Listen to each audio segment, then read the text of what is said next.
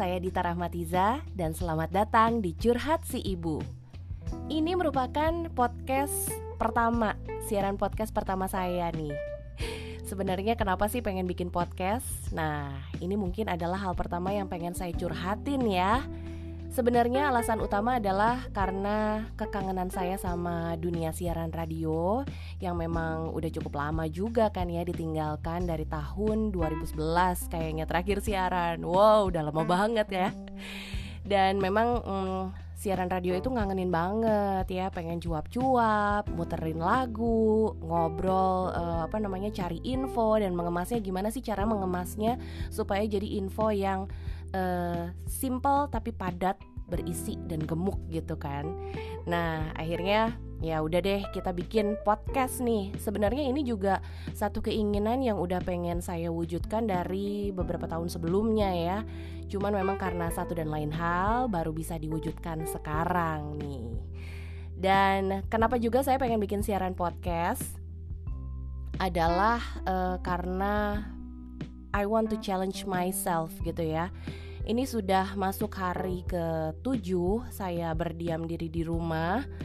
Termasuk dari awal sejak anak-anak sudah tidak belajar di sekolah di rumah ya.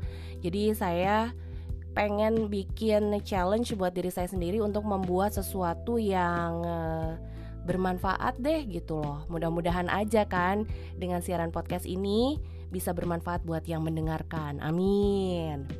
Terus juga ini merupakan satu terapi buat saya untuk bisa mengeluarkan 20.000 kata setiap harinya. Oh ya, ini satu fakta tentang manusia ya. Manusia itu ternyata biasa mengeluarkan 16.000 kata dalam satu hari. Itu rata-rata. Tapi kalau perempuan ternyata kenapa dibilang sebagai makhluk yang lebih cerewet ya dibandingin sama laki-laki? Karena dalam satu hari perempuan bisa mengeluarkan hingga 20 ribu kata.